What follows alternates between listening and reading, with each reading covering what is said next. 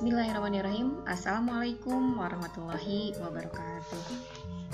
Selamat berjumpa dengan saya Ria Sabaria dalam mata kuliah Gerak Dasar Tari. Kali ini kita akan membahas tentang deskripsi mata kuliah Gerak Dasar Tari.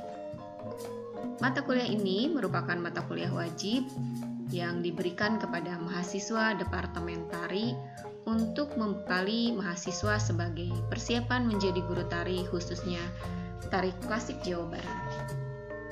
Selama satu semester ini, mahasiswa akan belajar melalui teori dan praktek dengan bahan kajian tentang apa itu tari, gerak dasar tari, unsur-unsur tari, sikap, teknik dasar tari.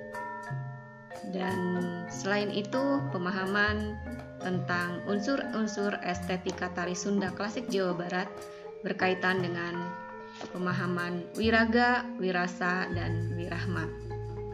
Pembelajaran dilakukan dengan menggunakan student active learning yang diimplementasikan dengan strategi kooperatif learning, peniruan, dan kontekstual learning.